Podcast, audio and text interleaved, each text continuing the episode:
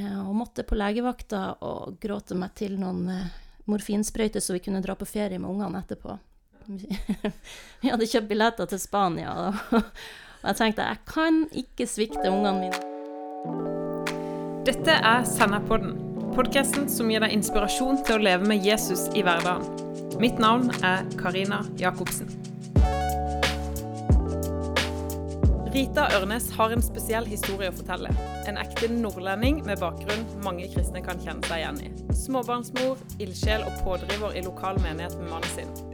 Hun ble syk med ryggsmerter og etter hvert psykiske plager og fikk oppleve noe vi alle ivrige kristne håper å unngå langvarig sykdom. I denne episoden så gir hun oss et innblikk i hva sykdommen gjorde med troa si, frimodigheten og alle de indre kampene som hun sto i. Hun toucher innom spørsmålet Vil Gud gjøre deg frisk fra sykdommen hvis du bare står for Jesus uten å ta hensyn til deg sjøl? Så forteller Rita om hvordan det på mirakuløst vis snudde. Så dagens podkast handler også om et mirakel. Så med meg i studio i dag så har jeg Rita Ørnes. Hjertelig velkommen. Takk, takk. Eh, vi er jo altså plassert i Tromsø, og denne gangen så, ikke, så, trengte ikke jeg å reise så langt for å komme til uh, den jeg skulle intervjue, fordi jeg har også flytta til Tromsø. Yes. så um, det er veldig fint å bo i samme by som deg, Rita. ja, takk.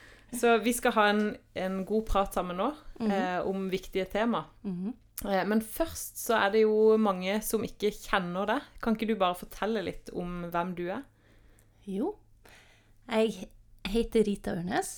Jeg har um, bodd både i Lofoten og i Vesterålen, i Bodø og nå Tromsø. Og Namsos òg, forresten. Men, men, jeg føler meg som nordlending, da. Så dialektforskning må du ikke ta, for det går litt i alle retninger. Men jeg er nordnorsk og trives i Nord-Norge. Ja, du har liksom raida alle liksom sånn nord... Det jeg ser på som ja. sånne områder som jeg ikke har vært så mye i før, liksom. ja, det er en fin landsdel. Ja.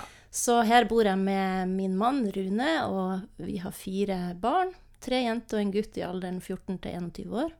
Mm. Så um, vi trives godt her. Jeg har bodd fem år i Tromsø. Jeg er utdanna sykepleier og uh, har litt, uh, gjort litt forskjellig, ikke bare som sykepleier, men uh, ja. Sånn er det. Ja, kult. Så vi kan jo legge inn en liten sånn Tromsø Kom til Tromsø. Det er en ja. nydelig by. Ja, ja, kan jeg si de eh, få ukene jeg har bodd her oppe. Vel verdt å oppleve. Yes. Men vi skal snakke om et viktig tema som handler om det med sykdom. Og jeg vet at eh, du har levd mange år med sykdom. Mm. Eh, og midt i et hektisk familieliv og, og, mange ting. Men kan ikke du fortelle litt bare om den tida med sykdom? Mm. Liksom litt fra begynnelsen. ja. Ja, det kan jeg gjøre. Det, det, jeg var jo Jeg var utdanna sykepleier og jobba på, på, sykehjem og det, med tungpleie. Du står og går, og du løfter tungt og sånn. I den perioden der vi fikk fire barn på under syv år. Så det var veldig stor belastning da på kroppen, og jeg var jo ikke akkurat topptrent. Eh. Så, så, det var hardt. Tungt for ryggen, og det begynte egentlig med, med ryggprolapser som kom etter tredje barnet. Mm. Eh, så jeg hadde en prolaps, og så gikk det en stund, og så en til. Så jeg hadde liksom en sånn prolaps i halvåret omtrent over en periode. Ja. Eh, og, og, med dårlig økonomi og, og, små barn og sånn, så måtte man jo bare jobbe. Det var ikke tid for å, å kjenne etter, og jeg hadde nattevakter, og det var dagvakter og helgevakter, og det var nattevåk med baby, og det var svangerskap, og så var det for, liksom ny småbarnsperiode og sånn. Så det var en, en krevende fase, da. Mm. Og kroppen begynte å si fra. Sant? Først med prolapser, og så Når du bare tar smertestillende, så, så fortsetter du bare å kjøre på. Tar, det er ikke rom for å ta hensyn. Og vi hadde husbygging, og vi hadde ja, vi bygde menighet, vi hadde husgruppe, og vi besøkte folk. Og vi, altså det var en veldig aktiv fase. Mm. Og det var ikke rom for å kjenne etter og ta hensyn til seg sjøl, følte jeg. Mm. Og da, da, begynte det jo å gå litt dårligere etter hvert, som jeg bare ignorerte kroppens signaler. Så jeg etter hvert utvikla fibromyalgi-diagnose, og kronisk trøtthetssyndrom, sa legen, pga. det å gå over lang tid med såpass mye smerter, så blir det en sånn utmattelsestilstand i kroppen. Ja. Så, så jeg fikk den diagnosen, og i, i kjølvannet av det, så, med så stor belastning fysisk, så selv om jeg tidligere ikke hadde hatt noen problemer med psyken, så begynte den å, å få seg en knekk, så Det er vel ofte ble- sånne ting som kan henge litt sammen òg, når du har mye sykdom Ja, i kroppen. det er belast, Mm. veldig belastende, sant. Så, så da ble det også angst og ja, depresjonstendenser. Så det ble liksom eh, gradvis mørkere og mørkere og tyngre og tyngre Ja. og Ja. Mm. Så, eh, og så skulle man være mamma, og man skulle se ungene og ta seg av de, og man skulle gå på jobb, og man skulle prestere der, og man skulle Ja. Det, det var eh, Det ble en litt mørk periode i livet etter Ja, hvert. Mm. Og du også, for de som ikke kjenner deg så godt, så er jo du og eh, mannen din Rune Dere er jo med som ledere i Kristen Fellesskap Tromsø mm. eh, eh, nå. Og så du har jo vært eh, Eller eh, har vært og er gift med en som også har vært, eh, stått veldig i lederskap i mange år. Og det var vel sikkert også mye oppi denne tida. Ja, det var det. Vi, vi, vi ville pionere og bygge menighet, og vi, vi skulle leve husfellesskap og besøke folk og ha en åpen heim og masse besøk og invitere på middag og kaffe og ja. Så um, det merktes jo Mm, ja. um, i det lange løp. Ja. Og denne sykdommen, det var jo også altså, Kan ikke du bare si litt mer om sykdommen? Altså, Er det noe du kan bli frisk fra, eller hvordan Åssen eh, Nei, altså det er jo Det er jo ikke en, en diagnose som er så populær å ha, fordi at det, eh, Altså du får muskel, muskel- og skjelettsmerter, eh, men det slår ikke ut på blodprøver. Ja. Eh, så man går til legen, og legen sier ja, men blodprøvene er jo fine. og så, så blir det sånn teste ut ulike smertestillende. Så det ble litt sånn gå til legen og få en ny medisin. Nei, prøv ut det, det virka ikke. Ok, vi prøver en ny, og den virka ikke, og det prøver en ny, den virka ikke helt. Og så, så blir det sånn at du føler deg jo nesten som at de tenker at du er en hypokonder også når du kommer der. Men, Ja. men smertene er jo reelle, og plagene er reelle. Og ja. um, men man får jo litt sånn man, man tenker at det hadde vært så mye lettere med en knekt fot. Alle ser at foten er Ja. knekt, og ingen diskuterer på det. ikke sant? Men, så det blir jo en skjult diagnose på en måte. Mm. Også det med sånn trøtthets- eller sånn utmattelsesdiagnose, at du Ingen ser når du ligger til sengs hjemme og, og, og, er langt nede og helt slått ut. Og så skal du på noe, så mobiliserer du jo maksimalt. Du ligger så lenge du kan i forkant, og så tar du på sminke og, og, og styler deg opp før du skal ut, og da er ingen som tilsynelatende merker så mye da. Og Ja. så ser de jo ikke den kopptua du er når du kommer hjem igjen, sant? når du ja. detter sammen. Og, så det blir veldig sånn eh, Det er jo en skjult diagnose, på en måte. Både fibromyalgien og, og utmattelsessyndromet og, og angsten også. Sant? ja.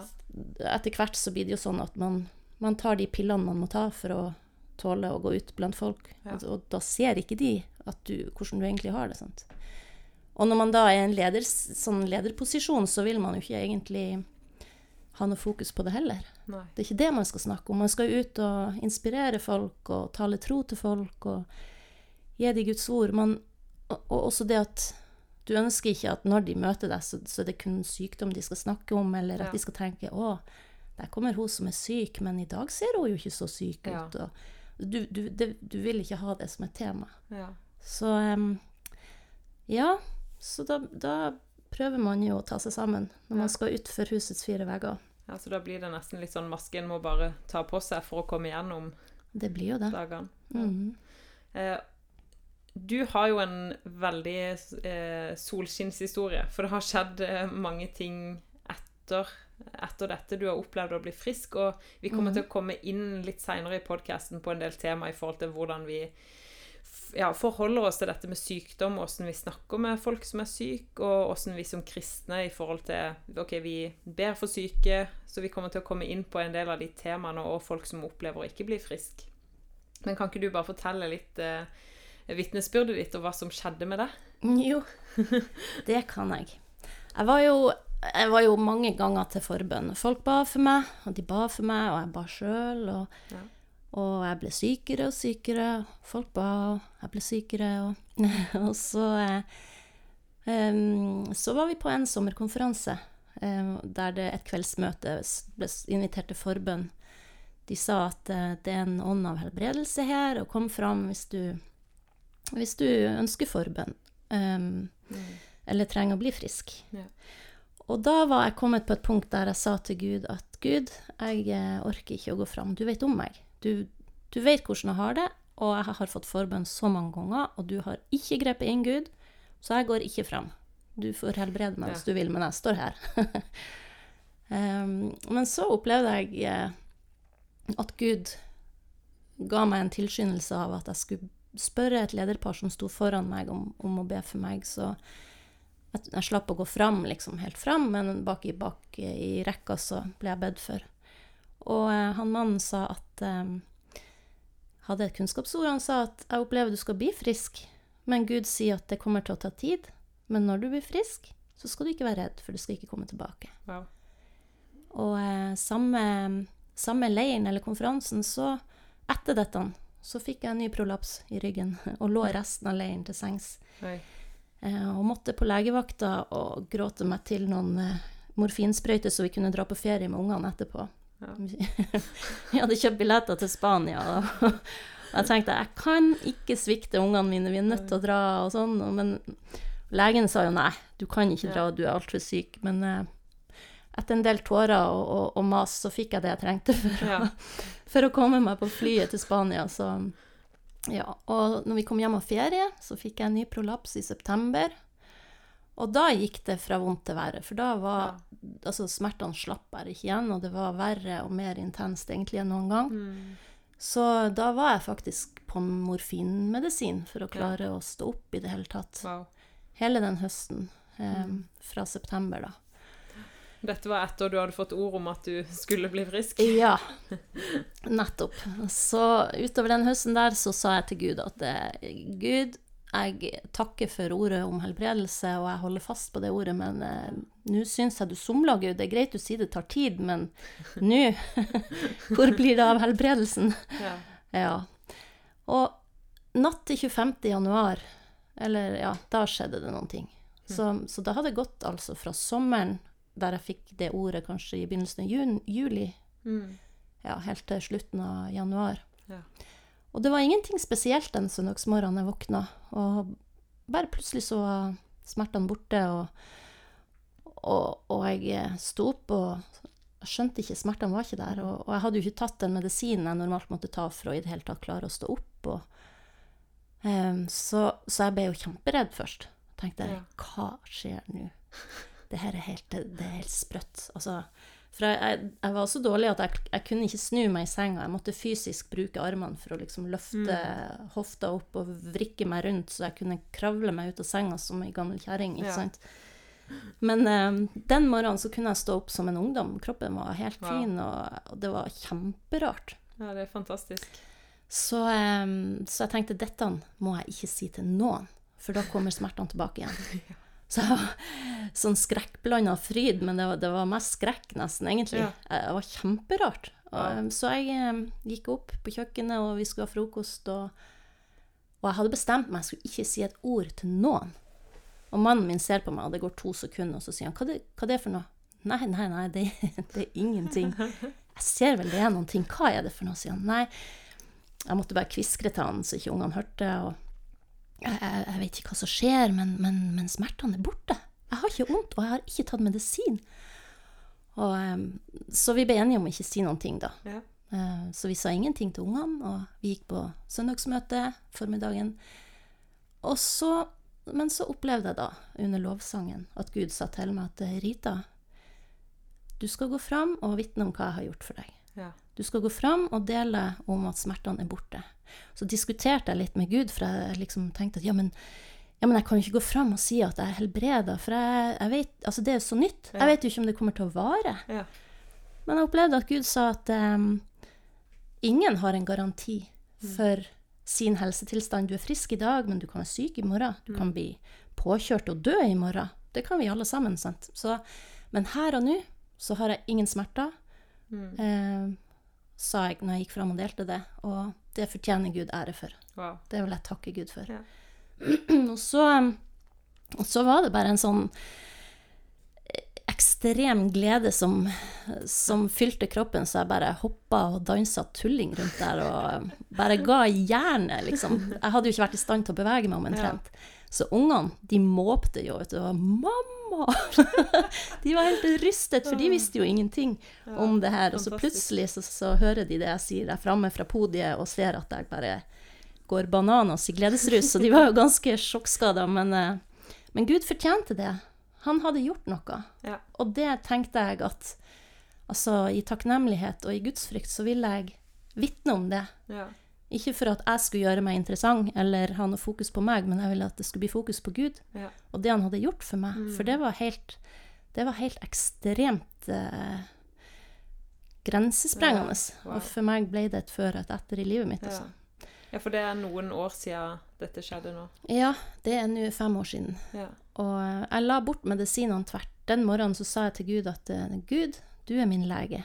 Og når, når jeg ikke har smerter, så blir ikke jeg å ta en tablett til. Ja.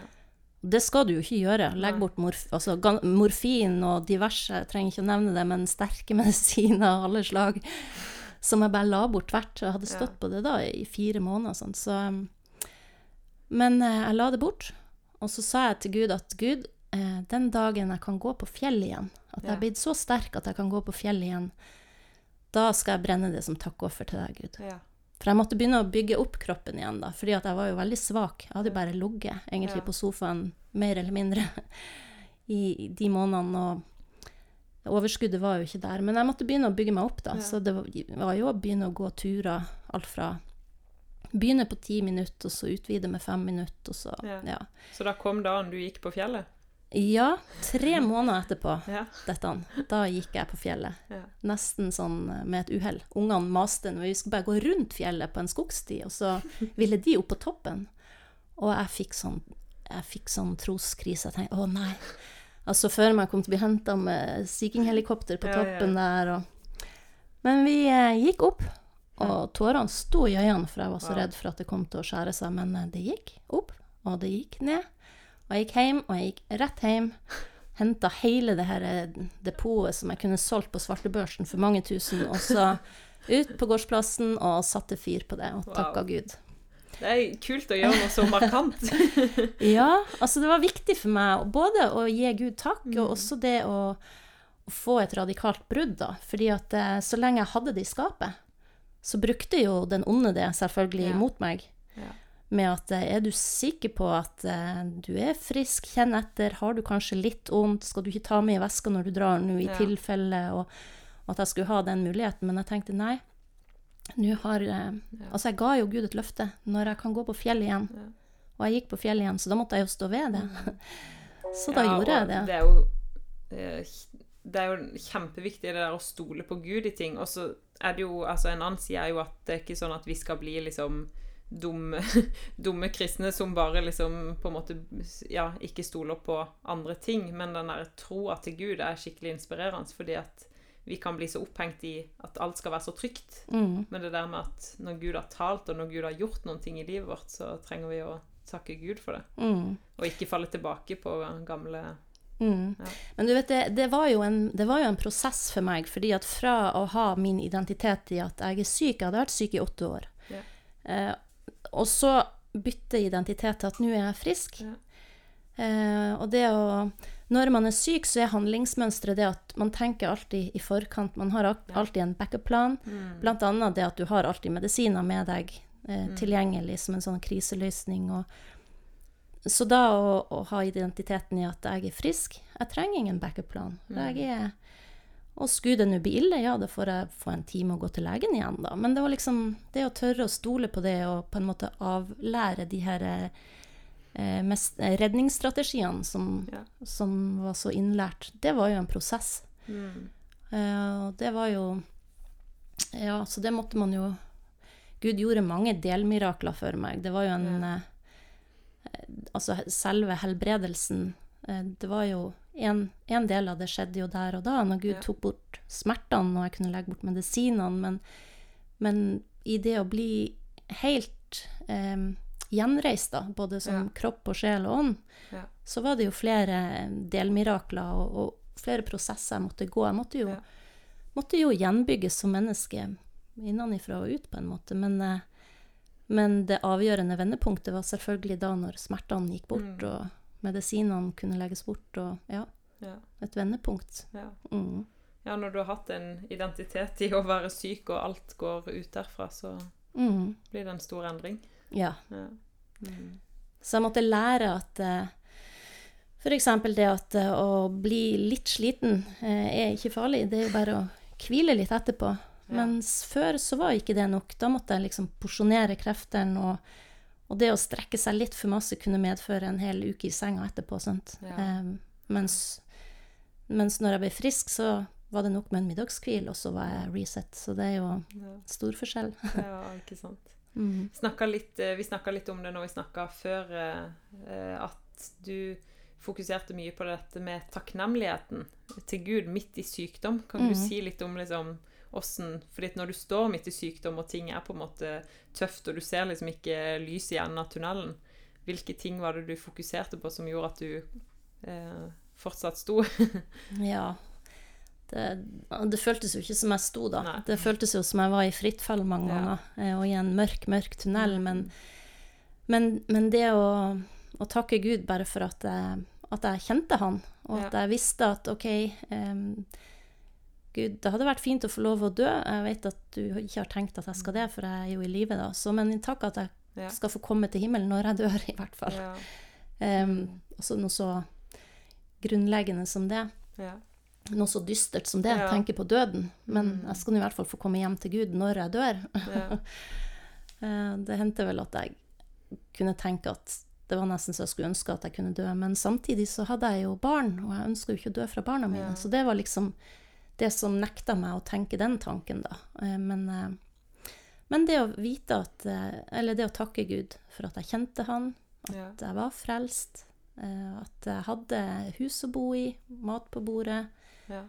Det var nok å se på nyhetene, så så jeg jo at jeg hadde det jo bedre enn mange andre. Da, så på en måte prøve å få ting litt i perspektiv. Ja. Selv om at um, det kunne være vanskelig å skjønne hvorfor. Det var jo mange spørsmål. Hvorfor, Gud? Hvorfor svarer du ikke bønn? Hvorfor må jeg ha det sånn? Hvorfor ditt og hvorfor datt? Men, men jeg kom på en måte til en sånn overgivelse i det at Gud er Gud, Ja. og eh, ja, han gjør ting på sin måte og på sin timing, Ja. uten at jeg trenger å skjønne hva han gjør, og hvorfor han gjør det. Ja. Men at en dag så skal jeg få skjønne helt og fullt, da. ja. Så um, ja. Vil du si at synet ditt på Gud eh, har det endra seg noe i forhold til når, eh, i årene med sykdom? Ja. em, ikke på Gud eh, i seg sjøl. Altså, jeg har hatt Jeg har opplevd at Gud har vært nær. Ikke nødvendigvis sånn at jeg har følt at han var nær. Perioder så følte jeg jo Gud var langt borte, men, men jeg bare visste Jeg hadde en sånn visshet om at Gud, Gud eksisterer, og jeg tilhører Han. Og jeg var, hadde et bevisst forhold til at det var den onde som hadde påført meg sykdom. Jeg, jeg tenkte at det var ikke fra Gud, men det var den onde. Og Ja. den onde ønska å separere meg fra Gud, skille meg fra Gud. Og da skulle han i hvert fall ikke lykkes med det, så jeg på en måte tviholdt i at jeg tilhører Gud, jeg er Guds barn, han er min far, selv om at det kunne føles som han var langt borte da. Men eh, med sykdom fikk jeg jo erfare hans trofasthet.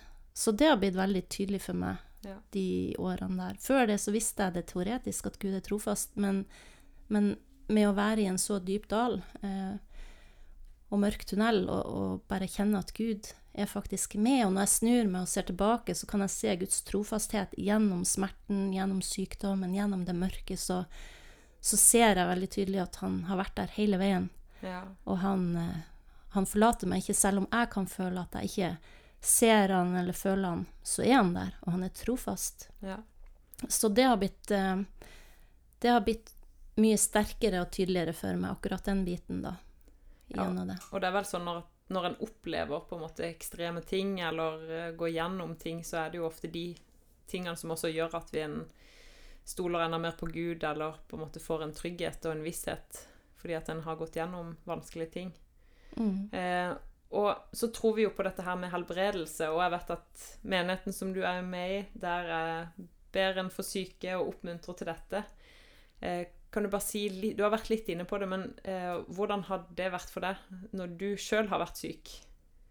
Ja, det var jo ehm, Det var jo vanskelig på en måte å, å tro på helbredelse. Jeg, i, I teorien så, så trodde jeg på helbredelse, men når jeg i praksis så så lite av det, både Ja. i mitt eget liv Jeg opplevde ikke at jeg ble frisk. Og, og det var jo Vi ba jo sjøl for syke Jeg ba sjøl for syke når jeg var syk sjøl. Og var jo selvfølgelig mange ganger folk ikke ble friske. Men så var det jo også en og annen gang at folk ble friske, og, og jeg kunne ta meg sjøl i å nesten være litt vantro og tenke ble, du faktisk frisk? Oi, Ja. så rart. men men jeg, jeg hadde en sånn bestemmelse om at jeg ville tro på helbredelse, men jeg må ærlig innrømme at jeg syntes det var vanskelig Ja. å tro på det med følelsene mine. Men, eh, men jeg jo en, tok jo en bestemmelse om at jeg trodde på helbredelse, og at man bare måtte være lydig og be for syke, fordi at Guds ord sier at vi skal be for Ja. syke. Jesus sa at vi skulle gjøre det. Så um, men, men jeg var veldig sånn at jeg var opptatt av at det å Noen sier at bare proklamer at du er frisk, bare si, tal ut helbredelse, si at jeg er frisk i Jesu navn, og så blir du frisk og sånn. Det der reagerte jeg veldig sterkt på. Og det Sjøl så var jeg syk, som sagt, i, i åtte år. Og jeg kjente jo veldig godt at jeg ikke var blitt frisk. Ja. Og jeg kunne stå og si til jeg var blå i fjeset at jeg er frisk, jeg er ikke syk, men det hjalp jo ikke, jeg var jo like syk for det. Så det å være ærlig og reell på at eh, ja, er du syk, så kall nå en spade for en spade. Ja. Altså, jeg blir ikke noe sykere av å bare erkjenne fakta. Mm. Og helbredelse er ikke en sånn talekunst, bare du formulerer deg rett, så blir Ja. du Selv om jeg tror at ord skaper, men akkurat i forhold til helbredelse, så, så tror jeg at det er. Gud som handler. Ja. Og det er Gud som, det er Gud som helbreder, og han gjør det på sin timing yeah. og på sin måte. Og Gud er ikke en automat vi kan putte på en penge, og så Mm. kommer det ut en helbredelse. Nei. Nei. Så, og, og det må man på en måte innfinne seg med. At, eh, at Gud er Gud. Og eh, vi må være lydige mot Hans ord, og Hans ord sier at vi skal be for syke. Ja. Og så må vi se bort fra egne følelser. Eh, og så velge å se på Han og Hans ord heller. Har du noen sånn tips til kristne som er i samme menighet, eller til oss som er, eh, har syke folk rundt oss? Altså, er det ting vi burde si, ikke burde si? Ja, det, det å skjønne at eh, en person som er syk, eller har angst og depresjon, eller eh, tunge ting å bære, trenger jo mest av alt bare et medmenneske. Ja. Som kan lytte, og som kan være der for deg, og som kan vise kjærlighet og omsorg, praktisk hjelp, eh, og bare vise at de aksepterer deg og ser deg som den du er. Det er ikke diagnosen din de ser, eller alle manglene og utfordringene dine de ser, men de ser deg som menneske. Ja. Og anerkjenner deg som menneske. Eh, og det er det de trenger. Et medmenneske, ikke et orakel som har alle svarene, Ja. eller som veldig eh, lett fortelle hva du burde gjøre, og hva du ikke burde gjøre, og sånn quick fix. 'Å ja, har du det problemet? Ja, men du skal bare gjøre sånn og sånn', og bare du må bare tenke sånn og sånn, eller du må bare tale ut sånn og sånn, eller For det er Når man ikke har vært i den personen sine sko, så kan man ikke vite hva den personen bør si eller føle eller gjøre, fordi at mennesker Ja. er forskjellige, og sykdommene er forskjellige, omstendighetene er forskjellige, Mm. Eh, bakgrunn og oppvekst er forskjellig. Det er mange ting som spiller inn på hvordan et menneske har det. Men alle trenger vi et medmenneske. Og særlig når vi er nede og er syke og svake, så Ja. trenger vi det ekstra. Og jeg tror jo akkurat det er kjempeviktig inn mot folk som opplever å ikke bli helbreda. Du står i sykdom, du har vært Ja, om du har hatt ting du har hatt hele livet, eller i mange, mange år. Mm. Så på en måte dette her med ja, vennskap og se hverandre, og ikke på en måte Ja, bare mm. komme inn og skulle si åssen ting skal bli gjort. Mm. Og det å få bekrefta sin verdi og sin uh, identitet. Fordi at eh, Fordi at det, det er jo noe av det tøffe, annet med å bli, bli syk og være syk over tid, at du, du mister jo selvbildet og, og selvfølelsen. Eh, fordi at plutselig så kan du ikke gjøre de tingene du pleide å gjøre. Du klarer nesten ingenting. Ja. Og i dagens samfunn er det jo sånn at eh, verdien din er satt litt ut ifra hva du Hvilken tittel har du, hva Ja. tjener du, hva presterer du, hvor mange fritidsaktiviteter kan du følge opp ungene dine på, Ja. og hvor mange dugnader kan du stille opp på, ikke sant. Og så plutselig så kan du ingenting, og du føler at ja, jeg er jo ingenting, jeg. Altså, hva, Mm. hva kan jeg skilte med? Jeg, jeg klarer jo ikke å, å ha folk på kaffe engang. Hva, Ja. så det er noen som, som eh, kan fortelle deg at du har verdi, bare i kraft av Ja. den du er, og ikke fokusere på diagnosen. Jeg var ikke min diagnose, jeg var meg, ikke sant? Det er viktig. Ja. Kjempebra. Du, vi må snart gå mot en avslutning, for tida går. Men det er kjempespennende å snakke om.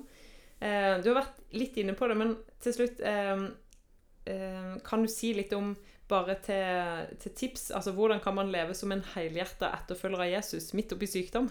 Ja. Stiller, Er det mulig? Du stiller store spørsmål. Yes. Dype spørsmål.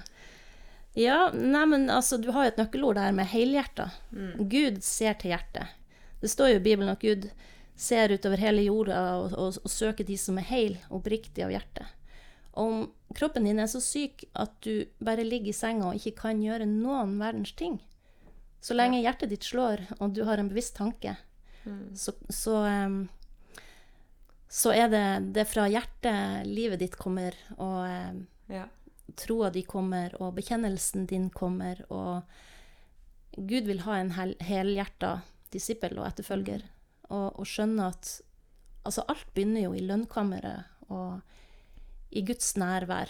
Og, og da er det sånn sett det samme om man er i senga og er syk, eller om man er ute der og skal redde hele verden. Men, men hjertet ditt og det her nære forholdet til Gud og bønnefellesskapet med Gud, det er jo det Ja. som Det er der alt livet kommer Ja. ifra. Eh, Så ja, vokt hjertet ditt, at ikke det Mm. kommer en bitter rot. At ikke du blir bitter på Gud, Mm. blir sint på Gud, anklager Gud. Men det er jo veldig naturlig å gjøre det. Ja. Men sørg for at du på en måte får blåst det ut og rensa det ut, sånn at du bevarer hjertet ditt gjennom det. Ja. Um, ja. Ja, så bra. Bevar hjertet, framfor Ja. alt. Uh, og helt til slutt, med enda vanskeligere spørsmål. hva vil du, Med alt som du liksom kjenner til i dag, eller vet i dag, hva ville du sagt til deg når du var ung eller sto midt i på en måte uh, 20-30-årene og på en måte Ja, hva ville jeg sagt da? Em, det Det kan være så mangt, men, men um, jeg ville vel oppfordra meg sjøl til å tørre å være ærlig og reell, og si hvordan det egentlig sto til. Og ekte nordlending? ja, og ikke brenne lyset i begge endene og skulle Ja. være alt for alle. Ja. For det var jo det som skjedde, at jeg utsletta meg sjøl, for jeg ville jo så gjerne. Mm. Og jeg tenkte at ja, men Gud ser jo at jeg vil, så da må han bare gi meg krefter. Og jeg må jo bare, og jeg må bare, og jeg må bare. Både ditt og datt. Ja. Men noen ganger så må man være reell, og så er det ting som må settes på vent. Og Ja. noen ganger må man si at dette kan jeg faktisk ikke ta, Mm. fordi at Ja. Og ikke være så redd for om ikke alle blir gjort til laks, men, men eh, ta vare på deg sjøl først og fremst. Ja. For når du er tom, så har du ikke noe å gi til noen. Ja, ikke sant? Og eh, det betyr ikke at du er et dårligere menneske eller en dårligere kristen eller Ja. mindre verdt av den del. Mm. Så mm, ja. Og det å, å på en måte skjønne at eh, Det var en som sa til meg at Rita, den jobben du gjør med barna dine, Mm. du tar vare på ungene dine hjemme, det er jo en gudstjeneste i seg sjøl for Ja. Herren. Mm. Det er det viktigste du kan gjøre i den fasen du er nå. Og det husker jeg ble så godt for meg, og, og så takknemlig for at han sa, fordi at eh, jeg følte sånn selvfordømmelse for at jeg ikke hadde krefter til å stå på med å bygge menighet og være rundt på alt mulig. Og, Ja. ja. Så, så jeg fant litt ro i det, da. Men Mm. uh, han skulle nok sagt det tidligere. Og, Ja. um, men det er en tid for alt. Det, mm, men, men jeg var nok litt utålmodig og hadde lyst til å erobre alt og innta alt på en gang. Og skjønte ikke at det er én ting av gangen.